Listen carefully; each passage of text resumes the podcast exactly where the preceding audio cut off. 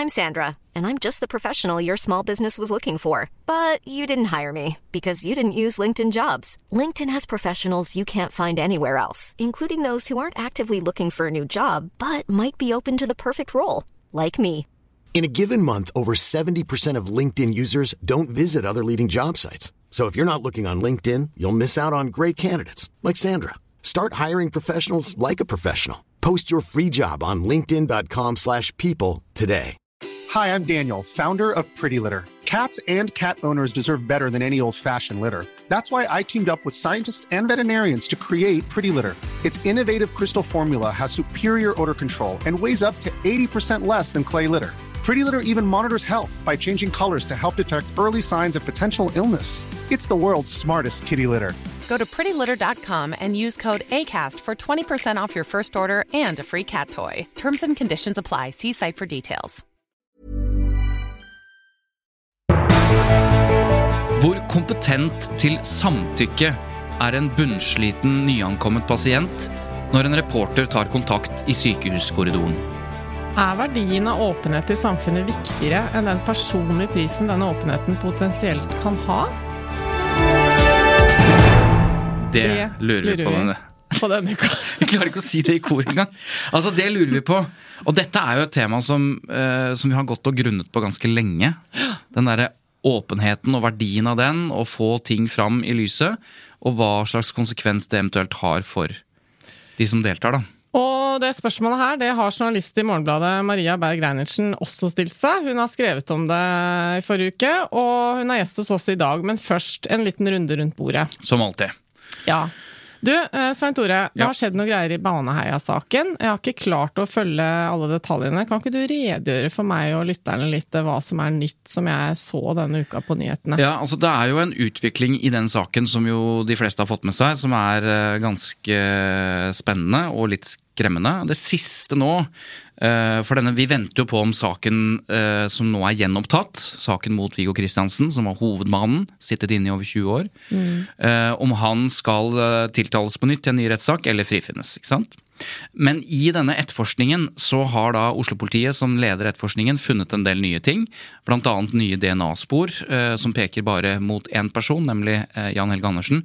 Men nå Som er han andre. som er den andre som også eh, er dømt, men da eh, mer for medvirkning. Men det som kom fram nå, tror jeg overrasket eh, ganske mange. Fordi i 2009 eh, viser det seg, så ble Jan Helge Andersen anmeldt for en voldtekt som han skal, som han skal bli begått før Baneheia-drapene. Eh, så ble den henlagt, saken, fordi politiet mente at han må ha vært mindreårige. Eh, Men kvinnen som anmeldte han, eh, ble likevel trodd i erstatningsnemnda, fikk 200 000 eh, i erstatning. Men igjen, han ble altså ikke tiltalt eller dømt for dette. Men det som er oppsiktsvekkende, det er at disse opplysningene om dette forholdet ikke har kommet frem i det hele tatt eh, i forbindelse med de mange eh, gjenopptakelsesbegjæringene som har vært. da. Samtidig som Agder politidistrikt, som jo har behandlet saken og etterforsket alt, de har jo tvert imot skrevet at sitat, foreligger ingen opplysninger om at Andersen tidligere har forgrepet seg verken mot voksne eller barn, eller at han har opptrådt truende. Det skriver de, som samtidig har mottatt anmeldelsen om voldtekten. Så nå sier jo både Gjenopptakelseskommisjonen og eksperter på strafferett og etterforskning at dette her Hvorfor i all verden har ikke dette kommet fram før? Og dette peker jo igjen mot Agder politidistrikt, som jo selvfølgelig eh, helt vanlig ikke uttaler seg om dette fordi saken er osv. Men dette er ganske dette er, ja, dette er det mange sterke reaksjoner på. Da. Det er sjokkerende at ikke folk som jobber med disse sakene så dypt, har hørt om dette før. Ja, og det er jo fordi at det har blitt lagt vekk, og de som vet om det, politiet, Ja. latt være å informere om det når det var naturlig å informere om det. I tillegg, det du heller ikke har hørt om, det er at eh, det ble funnet en ladd eh, rifle på rommet til Jan Helge Andersen under pågripelsen. Det har vi heller ikke hørt om. Så alt det som tyder på at han kanskje ikke var mors beste barn, har vi ikke hørt om, mens vi har hørt om all pornoen som ble funnet eh, i bua til Viggo Kristiansen. Og det er det forholdet nå som løftes opp. Hvorfor er det unnlatt å informere om ting som kunne ha styrket eh, mistanken mot eh, Jan Helge som, som en selvstendig hovedmann, da, Men det får meg til å tenke på dette med at man, sk- man er uskyldig inntil det motsatte er bevist. Og hvis man ikke har en dom, så skal Mm. man ø, kunne leve et normalt liv uten at det skal være kjent for Selvsagt. Så det er jo der eh, det må vektes, da, Jo, her. men samtidig så Vi snakker jo om en person som er dømt for eh, drap, medvirkning til drap og overgrep. Mm. Eh, og hele diskusjonen i disse 20 årene har jo vært om den ene er kanskje skyldig, som han hevder han er. Eh, og alt, altså alt i periferien av det Mm. disse menneskene eventuelt har deltatt på eller vært, eller det som på en måte til sammen utgjør en moduskandidat, da, Mm. er jo blitt aktuelt. Altså Agder politidistrikt har jo skrevet i sitt svar til begjæringer om gjenopptakelse, har jo skrevet alt mulig om hvordan William Kristiansen var og ikke var. og Det handler ikke om ting han er domfelt for, men det kan være hvordan han oppførte seg i nabolaget. Det har vært relevant. Men altså at den andre har blitt anmeldt for voldtekt, har ikke blitt nevnt. Så Nei. dette er eh, Ja, det er spennende. Og grunnen til at jeg får nye lyttere, da, at jeg spør Svein Tore om dette her, er fordi at han kan alt om Baneheia-saken, for de som ikke vet det. Han har vært med i podkasten Baneheia, som også ligger ute. Ja, alt. er Jeg, jeg vil si alt. alt. Jeg drister meg til å si det. Ok, Men hva, hva har du lest og sett og irritert deg over, eller gledet deg? Du, jeg har fått med meg at uh, Redaktørforeningen skal eh, gjenopplive noe som heter, eller som de kaller 414-skvadronen. 414-skvadronen? Ja, De skal altså blåse liv i, uh, i denne skvadronen for å få fellesene eh, på punkt 414 i Vær varsom-plakaten ned. Men er det hun nye eh, generalsekretæren som nye Reidun Kjelling Nybø. Jo, fordi hun er fra nord, og, når, og 414, bare så alle Vi har snakket mye om 414, det er altså punkt 414 i Vær varsom-plakaten, som handler om samtidig imøtegåelse. Skal jeg lese den? Ja, men bare skvadronen skvadron er det fordi hun er fra nord, så hun, Ja. når du får et tall, så er det helt naturlig for henne å sette ordet skvadron bak. Er det derfor de har kalt det det? Sikkert, det må vi spørre henne om. Men hva er det de skal? De skal sette fokus på, uh, på dette problemet, må vi kunne kalle det. Ja. Fordi eh, dette punktet 414, som handler om at de som utsettes for sterke beskyldninger, skal så vidt mulig ha adgang til samtidig imøtegåelse av faktiske opplysninger. Ja. Det er første delen av det punktet. Ja. Eh, det er jo det eh, punktet som det er flest fellelser på i PFU. Altså, så det å si hvert år. Det virker ikke som mediene klarer å håndtere eh, dette punktet. Altså, det har forundret meg. I 2021 så var det 31 fellelser, og konteksten da på dette punktet, konteksten da er at det er det mottas 777 klager til PFU det året. Uh, utvalget behandler 251. Mm. Og så er det da Det høres jo ikke så mye ut, men 33 fellelser på samtidig imøtegåelse er mye, punktet. da. Ja. Ja, så dette er en unnskyld, eh, rednings- 31. Dette er en redningsskvadron. Altså, det, er ja. Ja. det er det det er. Det er Det er forsvarsfokus, her, har hun uttalt. da. Det er ikke noe, skal ikke ut og liksom kjefte på de som har gjort feil, men det er for å jobbe forebyggende. Og hvordan skal du gjøre det? Hva slags hvordan? Nei, altså, de skal nå uh, se litt på sakene, gå inn i dem, komme med litt mer generelle råd. For det er jo sånn at uh, hver gang det settes ekstra fokus i pressekretser på noe, så blir det mer uh, Så blir folk mer opplyst rundt det, da. Så det trengs en ny runde, tydeligvis. Men hva er det man må unngå for ikke å gå i 414-fella? Det er spørsmålet. Ja, Da har de sikkert noe råd. Ja, altså Det gjelder jo da Det er faktiske opplysninger det handler om. Så hvis jeg sier at jeg syns Svein Tore er en dust, Ja. så har ikke du krav på å imøtegå det. Men du kan eh, Jeg, men jeg kommer til å møtegå det. Ja, Men jeg har ikke krav på det. øh, hvis, hvis jeg sier det i avisa, så har du da uh, rett til uh, tilsvar, hvis du ønsker. Det er da senere, at du kan jo liksom da si til avisa Ja. at jeg vil gjerne svare tilbake at eh, Eva er også en dust. Men det er ikke noe journalisten har krav på seg til å innhente liksom, kommentar fra deg på. Skjønner du forskjellen? Nei, jeg skjønner forskjellen. Dette Ja. er da samtidig imøtegåelse kontra tilsvar. Ja. Og så skal jo den angrepne part da bli tydelig presentert for de fullstendige beskyldningene, sånn at man skjønner hva man skal svare på. Ja. Det er ofte litt sånn at eh, journalistene, hvis de er litt lure eller litt slurvete, så kan de jo sende eh, liksom et forsøk på samtidig imøtegåelse, men ikke med hele greiene. Sånn Ja. at man ikke helt For hvis jeg hadde beskyldt deg tilbake igjen at du har jo, du har jo røyka hasj eh, som ung og unnlatt å fortelle det, og du har sittet inne for det, eh, så påstår jeg, og da må de hente, innhente samtidig imøtegåelse. Og hvis de bare sier han kom med noen beskyldninger om at du kanskje har vært litt uredelig, da er ikke det fullstendig presentasjon. Riktig. Nå føler jeg at vi er litt sånn barneskolelærere her, men, Ja, men, det kan eh, være greit, det. Og så er det da at redaksjonen må anstrenge seg for å få den angrepne part i tale, og det er et veldig viktig poeng, fordi eh, det er jo hele tiden litt sånn herre eh, Kilder prøver å, å tenke at ingen kommentar vil si at avisa ikke skriver om det. Mm. Det funker jo veldig dårlig som regel, men de må prøve. De kan ikke bare sende en mail eller eh, prøve å sende en eller annen beskjed via via og sånn. De må sørge for at eh, den som skal svare, har mottatt muligheten. muligheten. Eh, rimelig tid er viktig. Mm. Ja, for det er det som Nytter står der. Nytter ikke å sende tolv minutter før publisering hvis det er noe som krever at du må gå inn i regnskapet eller andre ting for å faktisk kunne svare. Du må gi det litt tid. Ja, Og så er det viktig å huske på at eh, det gjelder jo bedrifter også, offentlige etater, organisasjoner. Det er ikke bare enkeltpersoner som har rett til samtidig møtegåelse. Denne lista høres lang ut, Eva. Ja, skal vi s- sette Skal vi poste den på, på, på Facebook-siden? Og si sånn Her, les resten, men det er ikke noe tvil om at eh, dette tar Redaktørforeningen Jeg på skal bare alvor. en siste ting, og det er at det, det gjør seg også godt at det faktisk kommer frem i publiseringen at eh, en person har fått muligheten til å svare. Det Mm. blir også glemt noen ganger. Sånn at seerne blir sittende og føle at burde ikke dette mennesket fått svare? Da kan det være fint å vite at Svein Tore har fått muligheten til å svare for seg, ikke ønsket det. Nettopp.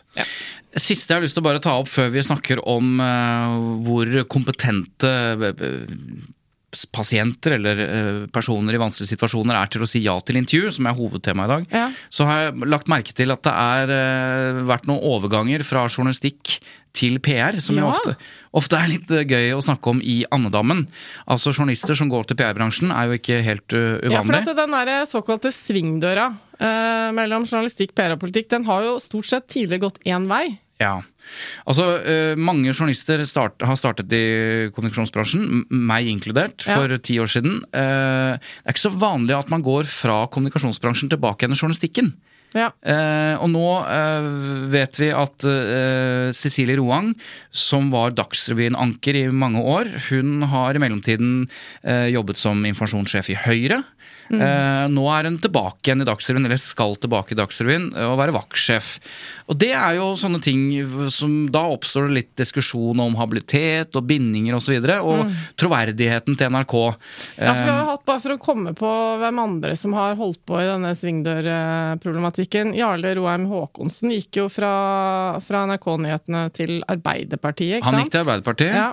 Og så har du Cato Husaby Fossen, som var en sånn politisk eh, reporterstjerne i NRK Dagsrevyen. Han gikk til Høyre. Han gikk også til Høyre.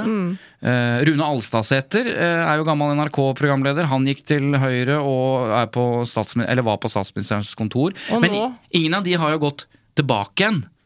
Nei. Ikke sant? Så det, det nå, er det, nå er det liksom Nå er det, rund, nå er det rundgang. Men med ja. Cecilie Roang også som gikk til Høyre, så er det jo nesten litt sånn komisk å tenke at eh, det er liksom eh, de mest profilerte politiske journalistene, de går til Høyre, de, fra NRK. Ja, ja, i hvert fall med tanke på at eh, NRK ofte blir kalt ARK av høyresiden, så er det i hvert fall Det er ikke helt Det er ikke bare Arbeiderpartifolk der, tydeligvis. Nei. Nei, det er det ikke. Gøy. Um, Men ja. vet du hva som er litt Jeg også så den saken, nemlig. Og så stilles det noen kritiske spørsmål til NRK om eh, er dette innafor? At eh, Cecilie Roang nå kan Mm. komme tilbake igjen. Er ikke dette alltid et problem med denne svingdørproblematikken? Og da, da merker jeg at jeg blir litt sånn småirritert over svaret. For det er sånn vi har gjort en individuell vurdering, slik man alltid må gjøre. Og hun sluttet i sin forrige jobb ved årsskiftet og har hatt en god pause og sånn, men vi eh, er helt sikre på at vi har gjort en profesjonell vurdering, og at hun har god forståelse for rollen sin. Ja. Og så er det sånn Så bare Liksom Bare Stol på oss. Stor- Jo, men hva, hva skal de si, da? Nei, jeg bare Jeg tenker at det, her er vel mediet, spesielt NRK, tjent med litt mer åpenhet rundt selve vurderingen. Ja, det kan Sånn, hva er det som har veid for og mot? Men det jeg tenker eh, Jeg er jo i og for seg glad for at det er mulig. Jeg tror jo, eh, enten det er Cecilie eller andre som har vært i, enten i kommunikasjonsbransjen eller andre, eller politikken eller hva det måtte være, de blir bedre journalister når de kommer tilbake igjen. De Ja. kan mer, de vet mer, kildenettverket er utvidet, de er, bedre, de er mer kompetent. Mm. Det må jo selvfølgelig veies opp mot nettopp troverdigheten. Er det øh, liksom Synker troverdigheten? Og da er det jo dette som det er i alle uh, deler av samfunnet. Da er tiden, eller karantenetiden, eller hva det måtte være, viktig. At du Mm. ikke bare går rett fra politikken eller journalistikken og over i, i jobben. Ja. Men jeg tror at det å åpne opp uh, Altså, journalistikken har en utfordring nå, og det er at veldig mange flinke folk forlater journalistikken, eh, eller tar andre typer jobber, enten det er godt betalt eller hva det måtte være. Journalistikken er helt avhengig av flinke folk, og da må de tåle eh, og jeg tror det er smart å hente folk både fra næringslivet, fra PR-bransjen osv. hvis de har lyst til å jobbe som journalister igjen. Ja. Det mener jeg er positivt. Jeg er enig, da. og jeg tror eh, det som gjør at jeg reagerte på den uttalelsen, er litt det også at jeg hører fra produksjonsmiljøer som ofte leverer ting til NRK-systemet, at det, det oppleves som litt sånn inkonsekvent når ting er greit og ikke greit. Ja. Når det kommer til profiler. Eh? Noen er både her og der ute i verden og næringslivet og får plutselig komme tilbake og, og være på lufta for NRK. Mens andre får beskjed om at eh, dere har for nær tilknytning til ditt og datt, og den profilen funker ikke og sånn. Og det kan godt hende at det er konsekvent i NRKs øyne, men eh, jeg har inntrykk av at det oppleves som liksom vanskelig å forholde seg Ja. til. da. Jeg tror nok vi kommer til å se mer av dette, men det vi ikke har sett så mye av, men som vi har sett flere eh, eksempler på nå, det er jo at politiske kommentatorer eh, går rett fra politikken Ja. og til uh, avisene. For eksempel, Der har du bindinga si. der, for eksempel Dagbladet har ansatt uh, Unge Venstre, husker ikke helt nå hva han heter. Kan det være Sondre et eller annet? Det kan vi finne ut av. Og Torbjørn Røe Isaksen gikk jo rett fra politikken og inn i E24 som kommentator. Og det um, er også interessant, da. Men Ja. eh, litt følelse av at dette er litt andedammen-prat. Ja. Vi eh, 200 000 av de vanlige lytterne våre nå, når vi gikk rett inn i dette? Okay. Da går vi til hovedgjesten, for da får vi dem tilbake igjen. Ja. Vi skal snakke om hvor eh, kompetent eh, en f.eks. en pasient er eh, til å gi et reelt samtykke eh, når en eh, TV-produksjon eller en reporter har lyst til å ja, filme dem, snakke med dem, lage programmer osv. Dette er jo Og ta kontakt kanskje i sykehuskorridoren, rett og slett. ja, Altså, der du befinner deg da, som, som pasient. Og det spørsmålet har jo eh, journalist og kommentator i Morgenbladet, Maria Berg Reinertsen, stilt seg. Eh, og har brukt eksempler som Helene sjekker inn og Jeg mot meg med Peder Kjøs, som var jo sånn hvordan drive behandling på, på TV. Velkommen, Maria. Takk. Og ehm, det er jo, Dere har jo satt søkelys på dette her eh, de siste ukene, bl.a. med utgangspunkt i disse to programmene, fordi det er gjennomført en studie nå av forsker Kjersti Torbjørnsrud. Noen som husker det navnet? ja, hun har vært gjest hos oss eh, for noen uker siden. Mm. Eh, og eh, sammen med kollega doktorgradsstipendiat Kjersti Bler Lonkan, så har hun skrevet en vitenskapelig artikkel. De har funnet ut at 11 av 16 deltakere i, i serien Jeg mot meg syntes det var vanskelig å sette grenser under innspillingen. Eh, og de forteller om, eh, om positive opplevelser ved å være med, men også om, om forverring av egen tilstand. Eh, mer selvskading. Selvmordstanker, angst og redusert tillit til andre er noe av disse begrepene. Det var verdens lengste innledning før Maria fikk sagt noe! Ja, men, men, men hun fikk jo sagt hei, Hei. det var ikke dårlig. Hei. Men nå, velkommen. Eh, kan vi ikke eh, først eh, begynne med hvorfor, hvorfor har dette vært interessant for Morgenbladet å, å sette søkelys på? Eh, Det har vært interessant fordi at du har hatt eh, to programmer her, ikke sant. Både Helene sjekker inn og Jeg mot meg, som har fått veldig mye ros. Også i eh, Andedammen. Eh, De har vunnet priser for åpenhet. De har eh, vært veldig populære blant seerne. Og, og dette er ikke programmer som liksom er, er de mest sånn spekulative Nei. Uh, sosialpornografiske. Ikke sant? Dette, dette er programmer med mye, mye gode intensjoner. Og så viser det seg da at når, når forskerne kommer uh, en liten tid etterpå og snakker med de, de samme deltakerne, så kommer det frem en litt annen historie. Om, eh, om folk som har sagt at syns det var vanskelig å sette grenser, folk som kanskje har presset, følt seg presset til å, å gi litt mer enn de egentlig ville. Eh, også i tilfellet Helene sjekker inn, da hvor Helene kom en eh, kom til institusjoner og bodde der i fem dager, så var det jo en del som ønsket å ikke delta i programmet, men som allikevel følte at hverdagen deres på institusjonen ble veldig preget av at det var TV-opptak her. Og, og TV-logikken, da, som de sa som gjaldt, var nødt til å holde seg på rommene sine, for eksempel. Og dette er jo veldig syke folk som, det, som er innlagt for, for behandling, ikke sant? Og, og spørsmålet er jo på mange måter da, skal, er dette noe de, de i det hele tatt skal forholde seg til? Ja, du skriver jo at det virker ganske opplagt at eh, et program der kamera og programleder står i gangen når en person eh, akuttinnlegges på lukteavdeling har sine fallgruver. Altså, Hvilke fallgruver eh, tenker du på da? Eh, Den første fallgruven er jo er dette noe du i det hele tatt, når du akuttinnlegges på lukket avdeling, skal, skal måtte forholde deg til. Om du har en Om NRK eller produksjonsselskapet da, som skal levere dette til NRK, og skal få være med deg på mottakssamtalen din. Det er det ene. Eh, Det er sånn vi alle kan leve oss inn i at det er en del kriser i livet hvor vi bare ikke har lyst til at noen skal komme og spørre har du en kommentar. liksom, Hvordan føles det nå? Det andre er jo det at så må det jo sies at stort sett så er det jo ikke sånn pasientene har liksom møtt Helene. ikke sant? De har, eh, dette er jo programmet hvor de bruker lang tid. De har researchere som bor Mm. på avdelingen, eller ikke bor, da, men er på avdelingen i forkant. De snakker mye med med, med pasientene som er der, og, og de får liksom ofte, ofte god tid da, til å vurdere om de vil, vil være med eller ikke. Samtidig så er dette folk som er i livskriser, ikke sant. Midt i behandling. Eh, som skal, skal gjøre noen vurderinger da, om hva de har lyst til å dele akkurat da. Og det er vel det denne forskningen viser, at ikke alltid har gått så bra. Jeg ville bare skyte inn at uh, i den rapporten som vi omtalte nettopp, så, så står det jo at uh, NRK fikk tilgang til ulike sykehusavdelinger i uker før innspilling. Uh, og medlemmer av teamet oppholdt seg der og fikk gjøre seg kjent med både personalet og pasientene. Eh, og så ble det inngått en journalistisk kontrakt med pasienter som ønsket å, å stå frem i programmet. Da. Så man ser jo for seg liksom, litt som det du er inne på, at, eh, at det, det er noen som er der for å infiltrere og observere. Og at det i seg selv er litt sånn Ja, men samtidig så er jo det sånn det må være hvis de skal lage det. De må Ja, ja. gjøre den researchen, de må sørge for at de så godt som overhodet mulig klarer å, å, å skaffe f.eks. et reelt samtykke. Men bare dvele litt ved det, for det er jo det vi startet Mm. sendingen med. Så hvor, hvor kompetent eller hvor i stand til er pasienter til å inngå et samtykke i den situasjonen de er? Hvordan, hva, du har skrevet litt om det, dette med samtykkeperspektivet, hva vil du si om det? Ja, for det er jo sånn at formelt sett her så har jo disse pasientene De har det de, de har jo en mulighet altså det, det, det som gjøres da for å sikre samtykke her for eh, Produksjonsselskapet har også skjønt at dette er ikke sikkert at du liksom vil, vil ønske og det, det du sa ja til et øyeblikk, det kan, du, det kan du komme til å ombestemme deg om. ikke sant? Du kan, du kan bli sykere, du kan bli friskere, du kan få tenkt deg om. Så det er jo lagt inn en del sånne eh, checks and balances her, da. Eller sånne stoppunkter hvor du skal få muligheten til å trekke deg. Eh, Du får muligheten til å, til å angre. Også det at i selve innspillingene så er det sånn at de, de går litt gradvis frem. ikke sant? De begynner, gi litt, snakke litt, så kommer de tilbake igjen seinere, er mer på rommet. Men samtykke kan man, kan man som syk Det er veldig vanskelig å si noe Ja. generelt om det, men det er i hvert fall det forskerne også har problematisert. da. Altså, Et samtykke, ja du kan angre etterpå, men det er ikke sikkert du angrer før du blir frisk. holdt jeg på å si. Jeg er ikke sikkert du angrer før du blir frisk. Eh, nå vil du si Ja, noe? nei. Da blir vi tre stykker som har ordstyret her, vet du.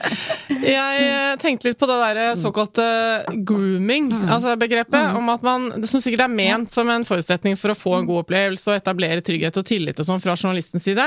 Men det kan jo også bidra, ser jeg for meg, til at grensene for samtykke presses litt. da.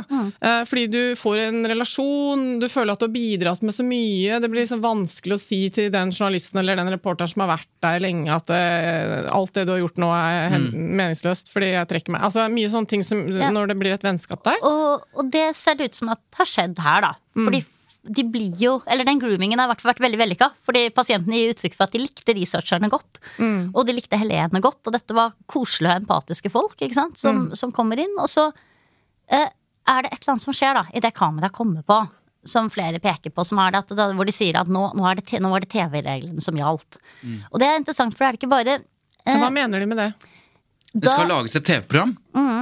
Det skal lages et TV-program, og da, er det, da, da, da må du levere. Jeg tror det er det de mener. Ja. Eh, det, det er mange som ikke utdyper det helt, men at de på en måte Plutselig så er det så de, Føler at det er en produksjon ja, istedenfor å være på institusjon? Det er, det er Ja. det som er det viktigste. Det viktigste er å komme tilbake og ha med, ha med nok godt stoff til, til at dette kan være et program. Og det er det noen som gir eksempel på også, at de skjønner det at hvis at det, er, at det blir sagt at noen må jo stå frem. Mm. Hvis det skal bli noe fra denne institusjonen. ikke sant? Så ettersom folk trekker seg, Jeg da har ikke ikke man noe problem med å se for meg det. Altså Noen den år, ja. følelsen. eh, ja. Eh, La meg bare skyte inn når folk hører på dette at eh, vi kunne selvfølgelig hatt både to, tre, fire, fem gjester som kunne forklart hvorfor de gjør det, både fra NRK og Ja, andre. vi, har, vi har muligheten til å gjengi litt tilsvar som de har gitt til bl.a. annet men jeg tenker jeg skulle si at dere har kjørt den debatten nå en stund, og hvis man går inn på Morgenbladet, eh, så kan man altså lese NRK har forklart hvorfor de har gjort dette her, Peder Kjøs har uttalt seg om sin serie, og i det hele tatt det er mye, mye, tils mye tilsvar her. Ja, debatten har gått, da, men, men jeg Ja, lyst altså til jeg å bare kan jo bare si at eh, Ja. Helt overordnet så har NRK sagt at de mener det er en helt sentral del av det journalistiske oppdraget å åpne opp lukkede rom i samfunnet og slippe til de som er underlagt andres omsorg. Det er liksom en overordnet holdning fra dem, og så finnes det et lengre tilsvar på Morgenbladet. Eh, og sykehuset, den ene institusjonen som, eh, som er blitt besøkt eh, av Helene flytter inn, ønsker også debatten velkommen. eh, og har vel sagt at hvis de skulle prøve på noe lignende igjen, så hadde de nok kanskje gått opp litt tydeligere grenser på forhånd og drilla for litt flere scenarioer osv. Ja. Men eh, at beslutningen er tatt med masse mennesker involvert og med profesjonell eh, bistand osv. Og så har jeg lyst til å bare spørre deg, Maria, fordi én ting er den, er den eh, skal vi si, forsknings... Eller, eller den etiske dimensjonen i, helse, i helsevesenet. Altså Psykologer har kritisert Peder Kjøs, Peder Kjøs har kritisert dem tilbake igjen osv.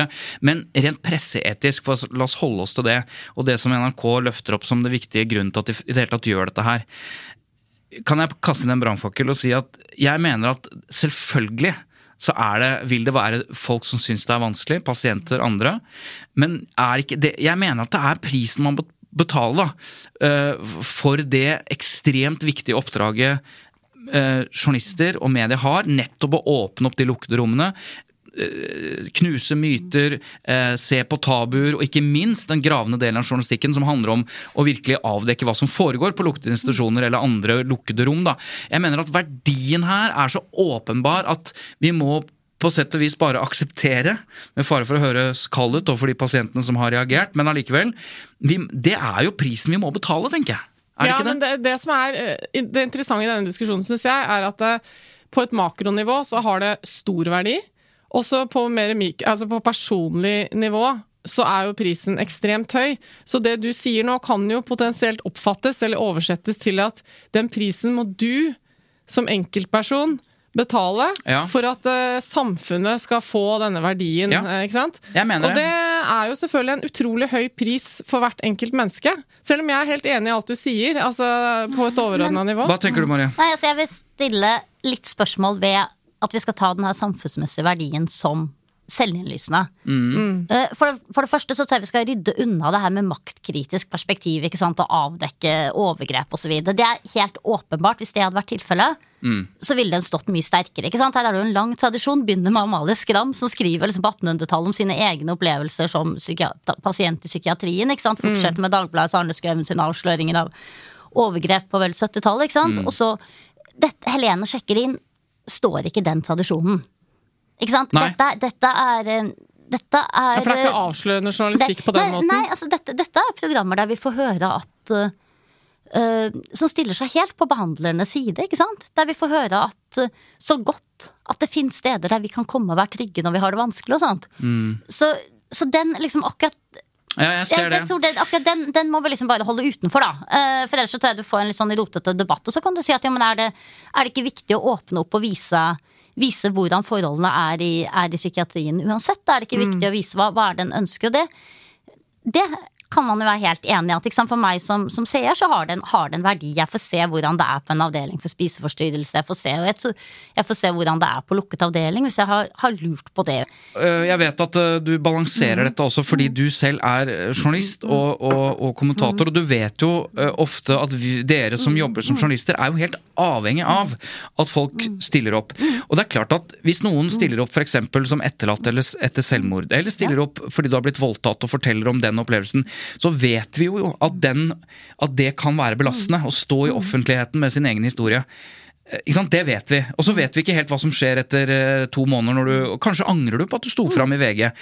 Men det er det jeg mener med prisen. At Ja. den åpenheten som vi er helt avhengig av for å ikke bare avdekke kritikkverdige forhold i helsevesenet, men å skape en større samtale om psykisk helse, om selvmord eller eh, hva det måtte være. Noen vil alltid måtte betale prisen. For at vi får den samtalen. Og, og jeg Ja. mener at vi må ikke komme dit at fordi at noen angrer etterpå, eller faktisk har Nei. hatt øh, vanskelige opplevelser, så må vi på en måte gå andre veien igjen. Det er det jeg er redd for, da, hvis du skjønner hva jeg mener. Eh, da tenker jeg at du liksom aksepterer det premisset at enten så må man gjøre det akkurat som Helene eller Peder Kjøs gjorde, ikke Mm. eller så må man bare liksom lukke oss tilbake, og dette er skam, og vi skal ikke snakke om det. Eh, og det finnes jo ting imellom her, og en ting jeg tror er veldig viktig, og som denne forskningen viser, det er jo at det er viktig hvem det er som har regien, ikke sant? Mm. Eh, veldig mange av, de, av disse stå-frem-historiene, ikke sant, de skjer jo på den måten at, at folk snakker om for eksempel selvmord etterpå. Eh, det vil jeg jo eh, Mm. Ja. Folk, skriver om Ikke sin egen historie. Ikke sant? Folk, Mm. ja, ikke sant? Og du kan si du har også eksempler sånn som Linnea Myhre, ikke sant? Sin blogging og sånt, hvor folk skriver og, og snakker om sin, Mm. egen, sin egen sykdomshistorie, men, men i en situasjon hvor de på mange måter da har, har en del av kontrollen, ikke sant? Og Ja, for det har skjedd mye i sånn- sosiale medier de siste årene Blir liksom rundt det. Mm. mer savvy mediebrukere, da. Som kanskje også tør å slippe folk lenger inn.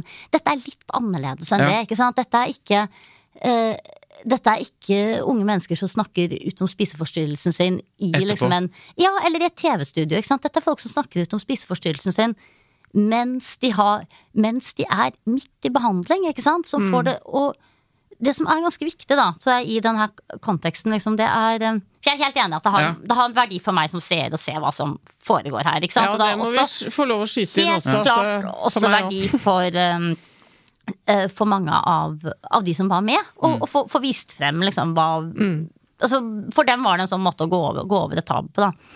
Men samtidig så er det jo noe med at du, når du gjør sånne ting, så er det ganske viktig at du kan sette grenser, ikke sant.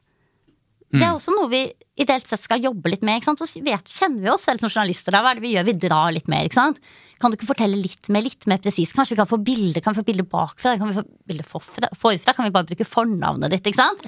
Og så er det en sånn Ja, ting ja. hvor vi drar da. Også når den her draingen sant, skjer inne på en institusjon, og behandlerne viser det seg dro i samme retning. For det er det som er interessant her, at den åpenhetsargumentasjonen som pressen kom med, ikke sant, den ble også overtatt av behandlerne. Så de fikk ikke noe Pasientene fikk Hvem ikke var noe deres advokater? Ja, de fikk, Ja, ikke sant. Og var behandlingen av de innlagte pasientene i den perioden det ble filma adekvat? Det, er, det spørsmålet er jo blitt stilt av flere. Ja. Ikke sant? Er det mulig å ivareta Men la oss løfte mm. dette opp fra disse to eh, liksom programmene som har blitt forsket på. For jeg syns dette er interessant. Vi har jo eh, intervjuet de som har vunnet Scoop-diplom eller Scoop-pris i det siste.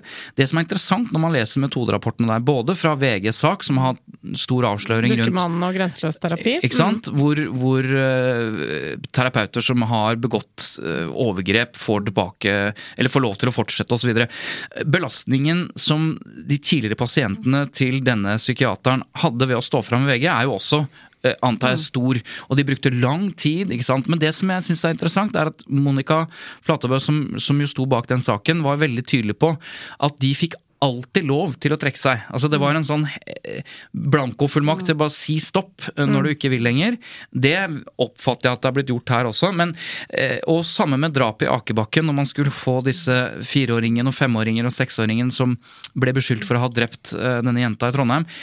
Der har også journalistene hele tiden vært veldig tydelige på at det er hele tiden lov å trekke seg. Og det er, det er en interessant eh, tilnærming som på en måte kan virke litt manipulativ, i den forstand at du gjør jo alt du kan for å trygge og sånn, men på den annen side, det er den eneste etiske måten å gå fram på, da, eh, for å få dette til. Eh, men de også vil jo da kanskje kjenne på seinere at ja, jeg vet ikke om det var riktig å stå fram. Så det, den, den, det, det dilemmaet har du alltid, da. Du snakker om presseetikken. Skal vi bare kjapt se på hva Ja. presseetikken faktisk sier om disse tingene? Altså, Det er jo det punktet som handler om at du skal opptre hensynsfullt i det journalistiske arbeidet. Du skal ikke misbruke andres følelser, manglende medieerfaring, uvitenhet eller sviktende dømmekraft, som jo er et relevant punkt. Og så er det jo et veldig overordna punkt i Vær varsom-plakaten eh, som heter 'legg vekt på saklighet og omtanke i innhold og presentasjon'. Det, det kan jo favne veldig mye, men det er Mm. absolutt relevant her, fordi det er hvordan du presenterer det også.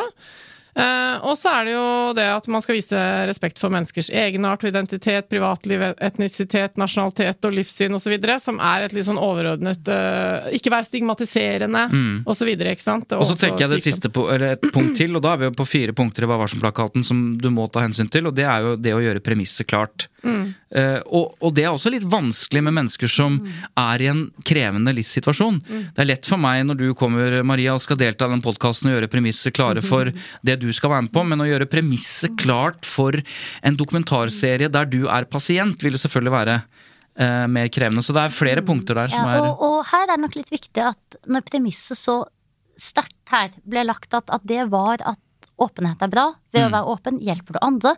Ved å være åpen hjelper du kanskje deg selv også. Mm. Uh, uten at det var noen motinnvendinger, da. Mm. Uh, er, du sikker på at du skal dele, er du sikker på at du skal dele alt? Er du sikker på at det, dette er uh, er riktig for deg? Er mer åpenhet Mm. alltid nødvendig? Trenger vi akkurat denne åpenheten? Trenger vi å se akkurat dette? Trenger vi navnet ditt? Ikke sant? Det, Ja. uh, det er da spørs det jo, eller det er i hvert fall det forskerne konkluderer med, da. At da fikk de et At, at premissene ble, dro så liksom hardt i retning åpenhet at den i realiteten kanskje ikke var helt fri for til å samtykke. Ikke sant? For dette er folk som også det. Enkelte er tvangsinnlagt ikke sant? når filmingen blir gjort osv. Så, videre, så de, de er jo et ekstremt skeivt maktforhold til Ja. behandlere, f.eks. Og sånn sett så får det meg til å tenke at kanskje man burde hatt en egen verge, men da begynner en ny diskusjon. Når er det, det er riktig å gi et menneske en verge? ikke sant? De er jo kompetente som regel til å ta ansvar for sine egne handlinger, i de fleste tilfeller. Men man, man kan jo se for seg at det hadde vært fornuftig under hele dette prosjektet på institusjon, at hver enkelt som kommer til å eksponeres i TV-serien, har et menneske som står helt utenfor produksjonen, helt utenfor institusjonen, eh, og som bare tar hensyn til enkeltmenneskets eh, ting. Men da, da tenker man jo veldig fort også at det, det, den serien der blir ikke noe av. Men det du kan tenke til her, da, det er det at eh, at institusjonene som faktisk skulle beskytte pasientene, ser det ut som ikke helt har gjort jobben sin. Det er i hvert fall det Reidun Førde, ikke sant, Ja. professor i medisinsk etikk, sier når hun påpeker det, at eh, her var det presseetikken som ble det eneste gyldige, mens den medisinske etikken, med Ja, hensyn til den individuelle individuelle personen, ble, individuelle pasient, ble skjøvet til side, ikke sant. Eh, Forhåpentligvis så vil jo disse rapportene bidra til at institusjonene i fremtiden da, er ikke lar seg rive med så mye av presselogikken. Sånn at du, du får en litt sånn nødvendig motvekt der. Det kan jo være én ting. Og så tenker jeg jo det at øh, Jeg kjenner meg jo veldig igjen På hvilken måte? i, det, nei, i dette med å som journalist, ikke sant, stå og prøve å komme litt lenger inn. Det fortalte du om Ja. også i det du skrev, ja. Jeg forteller litt eh, Ja, nei, altså, jeg har sendt forespørsler. Kan jeg få være med en uke hjemme i tjenesten og gå rundt, ikke sant? Det fikk jeg lov til. Kan jeg få være med en uke på intensiven og se hvilke avgjørelser han tar der? Det var noen som sa nei. Eh, og så videre, ikke sant. Vært med hjem, vært med inn i livene til folk, ikke sant. Og da da er du jo alltid, ønsker du jo alltid å se mest mulig, skjønne mest mulig. ikke sant? Og når du, når du har sett det, så har du lyst til å vise det frem. Har lyst til å dele det. Tenker du at saken din blir bedre dess mer av det du har sett, som du kan dele. Eh, og så har du en dialog, ikke sant, med, med, med, med de som har sluppet deg inn etterpå. Og håper jo da, ikke sant, dere skal få se, dere skal få lese igjennom, du stryker noe, du stryker ikke noe, ikke sant, og så håper du at dette, dette gikk bra, ikke sant. Du kan jo aldri være helt sikker. Jeg skriver jo, det nevner jo her et eksempel, da, hvor jeg vel to uker etter at en, en sak er publisert, så kommer det liksom håndskrevet brev, ikke sant, i, um, i posthyllen min. På jobben? Med, ja, på Ja. jobben. En som har eh, angret seg på at eh, sa, sa, sa ja til bildet da fotografen spurte, og angret på det etterpå. Så nå ville han, hun at du skulle vite det? Hen ville at, uh, Ja. at vi uh, At vi kunne trykke saken, men, men dropp bilde og navn. Men hvor langt hadde du kommet i Ja, saken da da? var saken ute. For lenge siden. Vi hadde vært gjennom sitatet, vi hadde vært gjennom alt. Ja. Så det Eh, brevet, post, postgangen var litt uh, Postgangen for sein? var nok litt, litt dårlig, og det, og det tenker jeg, og det var en veldig vond følelse. Ja. Ja, det skjønner jeg. Eh, og, og, og det det kanskje forteller meg, som Helene også forteller meg, og det, for det jeg har tenkt på etterpå, var at vi, vi, hadde, altså, vi hadde egentlig Denne personen hadde vi egentlig ikke avtalt av bildet med. Ikke sant? Men så kom fotografen inn etterpå og spør, og så sier personen ja. Liksom. Mm, ja, det det kunne vi ha. for seg hvordan det Hadde vi, hadde vi trengt å strekke så langt, da? Ja. Det var Og noen et Utøya, husker jeg, som også nevnte det. At uh, de angra seg litt på, på liksom å ha akseptert å bli fotografert. Uh, ja. Så, så jeg tenker nok det er noe der med at vi både liksom når det gjelder detaljnivå og bilder og sånt, kanskje skal tenke litt mer at trenger vi alltid å ta alt vi får? Det, det tror jeg er, er et sånt ansvar som jeg i hvert fall sitter igjen med etter å ha lest de her rapportene. At, Jeg merker at jo mer vi snakker om dette, jo vanskeligere blir det på sett og vis. Eh, Fordi eh, dilemmaet er så åpenbart og stort, eh, og ansvaret kan pulveriseres. Altså Én ting er som vi snakker om presse et etiske ansvaret, men også som du snakker om, de institusjonene som man eventuelt, eller de, de voksne som er på jobb, da, uansett hvor det er en, eller pårørende som skal kunne være med å vurdere dette. Det er vanskelig, fordi det er så mange motstridende interesser, egentlig. Men jeg tror jeg nå ender opp med uh, at vi må ikke komme dit eh, når folk starter sånne setninger. Hva er det egentlig skal si da? Vi må ikke komme dit at vi ikke kan Ikke sant? Men, men poenget Men mitt det er bare er heller ingen som mener det, ikke sant? Det er jo nyanser jo, det det. i hvordan dette skal foregå. ja, men det foregå. mener jeg at det er. Fordi Ja. de som er eh, skal vi si, skeptiske til media, som er opptatt av at uh, institusjoner eller organisasjoner eller alt må foregå, vi må kunne gjøre dette uten at mediene skal snoke dette Altså de som er Ja, ja. Mm. mot åpenhet, da, de vil finne trøst i at eh, det faktisk får noen konsekvenser eh, at man er åpne, og bruke det som argumenter for å lukke. Det er jeg redd for. Mm. Ja. Mm. Ikke sant? Sånn at, eh, Det er derfor jeg er opptatt av å si at vi må ikke komme dit, der er, nå er jeg der igjen, at, eh, at eh, belastningen ved å stå fram eh, blir det eneste vi snakker om. For det vil alltid være belastende Ja. å ta den type eh, Å stå for noe og mene noe og fortelle om sin egen historie. Noen kommer til å sende mail eller eh, på sosiale medier at du burde aldri ha stått fram i avisen. Det er ubehagelig. Men vi må, Ja, vi må ja, også trygge de sånn at, at de gjør det igjen, da. Men interessant poeng her er jo det at det forskningen til Torbjørnse og Lonkan viser, er jo det at det er liksom ikke helt tilfeldig hvem det er som angrer.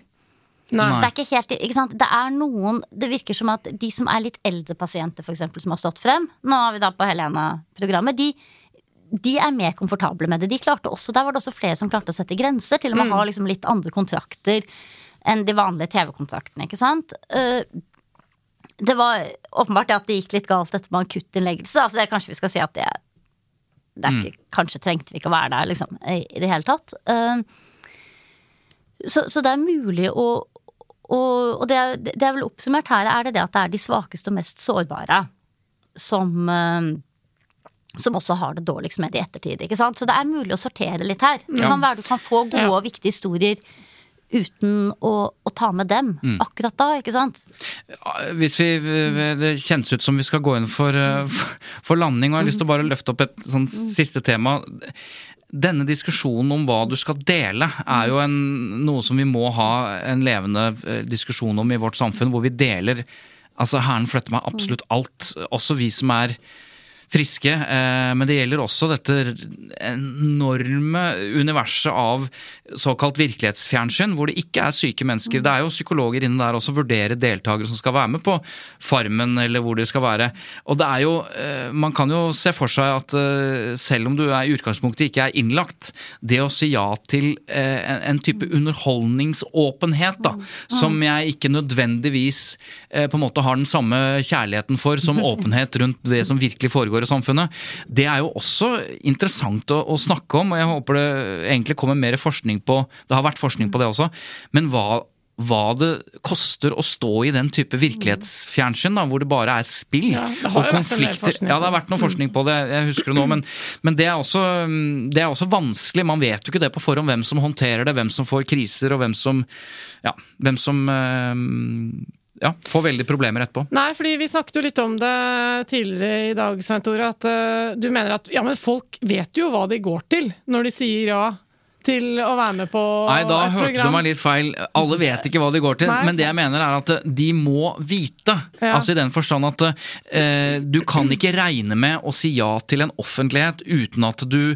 eh, må akseptere at det finnes noen konsekvenser. Og jeg brukte til og med deg som et eksempel. Mm. Ja, ja. I det øyeblikket du blir sammen med en prins og ikke en Per på hjørnet, Mm. så vet jo du at det Du vet ikke hva som Nei. skjer, eller du kan ikke stått i det, men du vet allikevel at hvis jeg blir, kjent, hvis jeg blir sammen en veldig veldig kjent person, så skjer det et eller annet med mitt liv. Ja. Og du kan ikke etterpå si at ja, det skjønte jeg ingenting av. Nei, nettopp. Og det er det som er, eh, gjør det så interessant, eh, det poenget. Nettopp at eh, du vet hva du går til, og at det innebærer en del eksponering. Men det du ikke vet, er hvordan det vil føles Nettopp. eh, for deg over tid å være det offeret, eller eksponert for sånn, eller få det stempelet, eller sånn og sånn. Og det er derfor jeg syns det er eh, interessant eh, nettopp det, at eh, folk reagerer ulikt. Det er Mm. immer vanskelig å forske seg frem til et fasitsvar, tror jeg, for det, det vil jo være individuelt. Men det er også noe å huske på at det er, det er forskjell på en måte å velge offentlighet, da.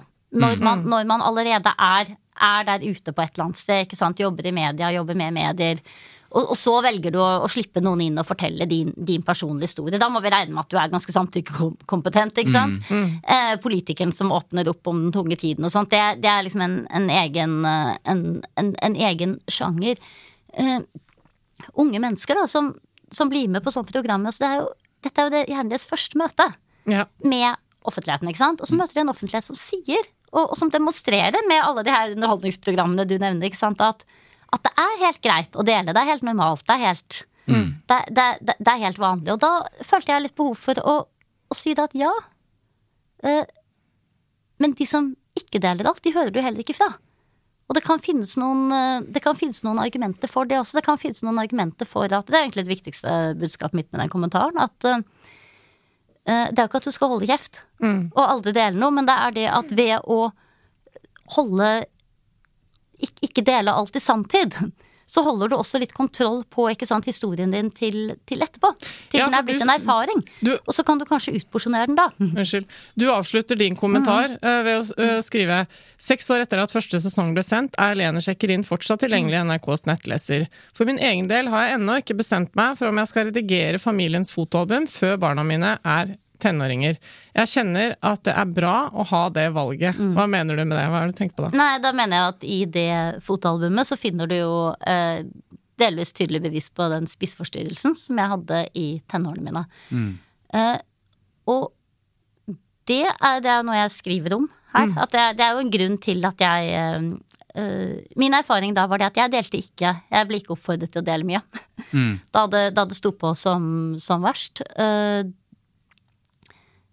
og det ga meg også en, en frihet. I, i, møte med, I møte med venner, i møte med liksom den større stor, Frihet til å- storfamilien. Frihet til å være noe annet enn sykdommen din. Ikke sant? Når du har en ganske synlig sykdom, så er det veldig lett at du, at du blir den sykdommen. Jeg hadde en lege som var veldig opptatt av å innprente både for meg og familien min at det var viktig å tenke på at du var mye annet enn sykdommen også. Eh, og, Hva sa ikke legen at det, det er sånn ca. 10 det, av det Ja, det? sa legen, og det, så jeg ikke det føltes som noen av oss da, men det var veldig, det var veldig fint sagt. Og Ja. det var noe vi liksom tenkte på eh, og snakket mye om, om etterpå. Så tror jeg det er veldig klart at for mange av de som er Hvis du er på lukket avdeling, da, eller på de, de her spiseforstyrrelsesavdelingen som eh, Helene besøker, så, er, så føles det som sykdommen er veldig mye mer enn 10 Det er jo en som sier i intervjuet at akkurat nå føler jeg meg bare som en sjuk jente. Ja. Uh, Nei, det, men- det her Ja. ja, men jeg tror jo likevel at den erfaringen med at den dagen det er litt mindre enn 10 og du er på vei ut, så kan det være fint å kunne, kunne fortelle den historien selv. Omtrent det du vil Eller å Eller å ikke den. ha den hengende ved deg for evig tid, eller i hvert fall i mange år. Du, ehm, tusen takk for praten. Eh, og ikke minst eh, takk for at du eh, skriver. Vi pleier jo av og til å si at vi er jo et privilegert som kan sitte her og snakke en time om et tema vi syns er gøy. Eh, jeg, vil da, uten at jeg har aksjer i Morgenbladet, bare oppfordre lyttere til å, til å lese Morgenbladet. For jeg blir Vi så får ikke noe kickback av alle, alle abonnenter som Ja, jeg- skriver kodeordet Nei da. Nei, men jeg bare syns det er veldig fint å kunne lese ting som er, eh, som er eh, langsommere og reflekterende, og ikke bare veldig beinhardt uh, vinkla. On that note. On that note. Uh, siden vi var så greie med Morgenbladet nå, så kan vi være litt uh, Altså pirke litt uh, Ja. til Maria med et lite lyttespørsmål som, Vi får av og eh, som til tikka inn her om dagen. Um, for vi har tidligere snakka om skillet mellom kommentatorer og journalister i podkasten vår. Eh, og du Maria bekler jo egentlig begge disse rollene Ja. her uh, litt sånn uh, parallelt. Eh, og så har vi fått et lyttespørsmål om det. Else hun lurer på hva som egentlig er grunnen til at pressen er så opptatt av å skille mellom det hun kaller vanlig journalistikk, som jeg da tenker er løpende nyhetsdekning, kanskje dokumentarer, altså det vi tenker på som journalistikk, og kommentarer. Hvorfor er det eh, så, Hvorfor er pressen så opptatt av det, lurer hun på. Hva har du å si til det? kan jeg først forsøke å besvare det, eh, Nei. så, før hun Nei. for, forsvarer Nei. hvorfor hun gjør begge deler? La Nei, Maria okay. få prate. Sorry. Eh, Jeg er litt nysgjerrig på hvorfor dere tenker at det er Ja. så viktig. For jeg vet jo at en del, særlig større på å større det er ikke aviser, vi som gjør tenker det, det Jo, jeg tenker det. tenker det. Jeg tenker det. Ja. Ok, Ok, så skal jeg gjøre det likevel, da. Ja, da.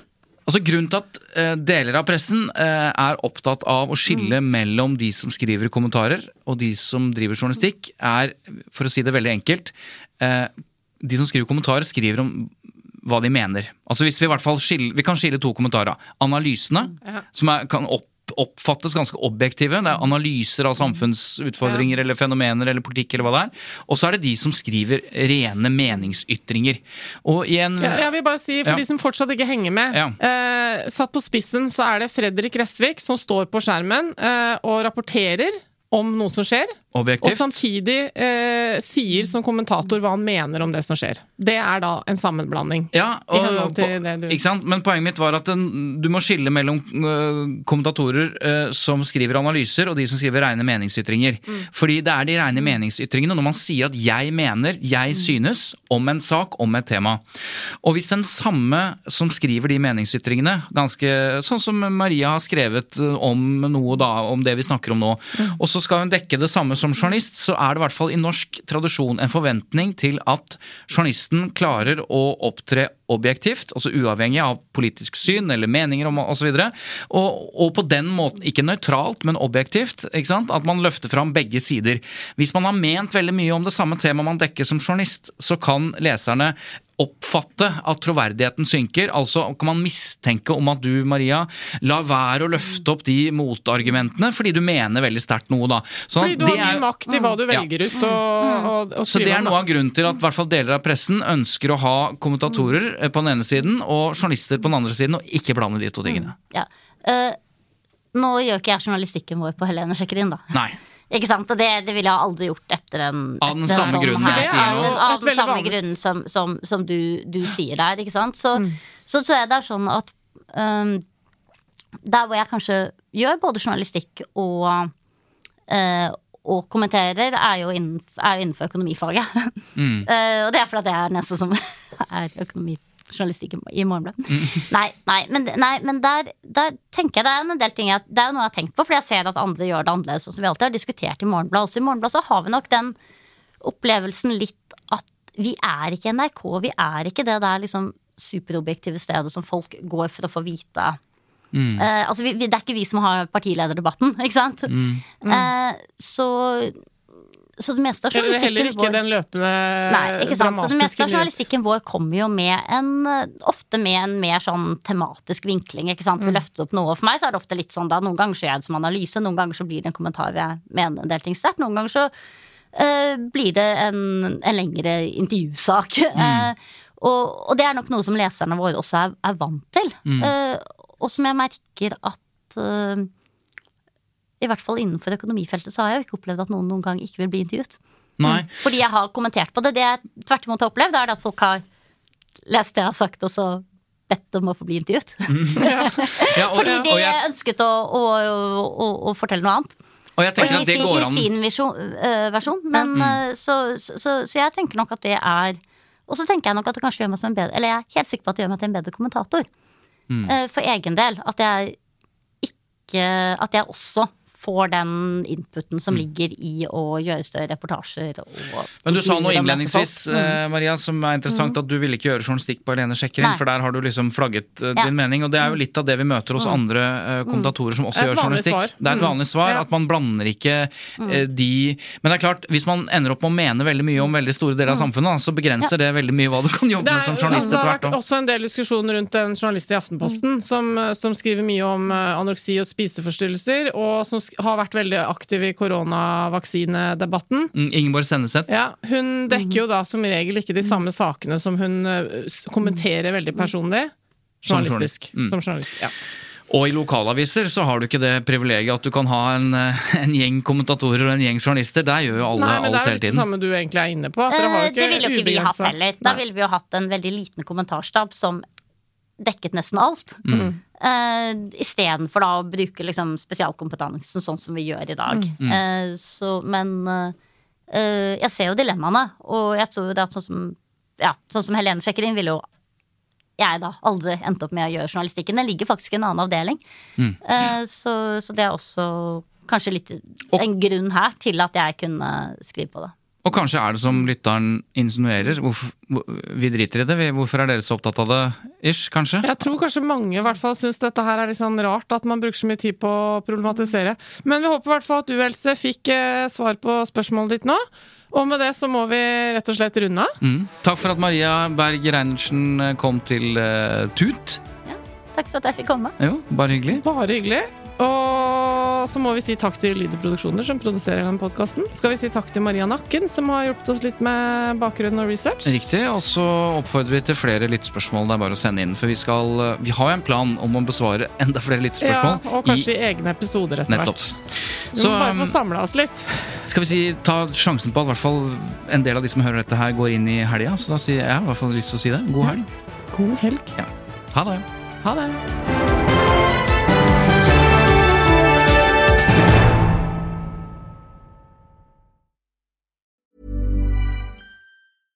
Want flexibility? Take yoga. Want flexibility with your health insurance? Check out United Healthcare Insurance Plans. Underwritten by Golden Rule Insurance Company, they offer flexible, budget friendly medical, dental, and vision coverage that may be right for you. More at uh1.com. Planning for your next trip?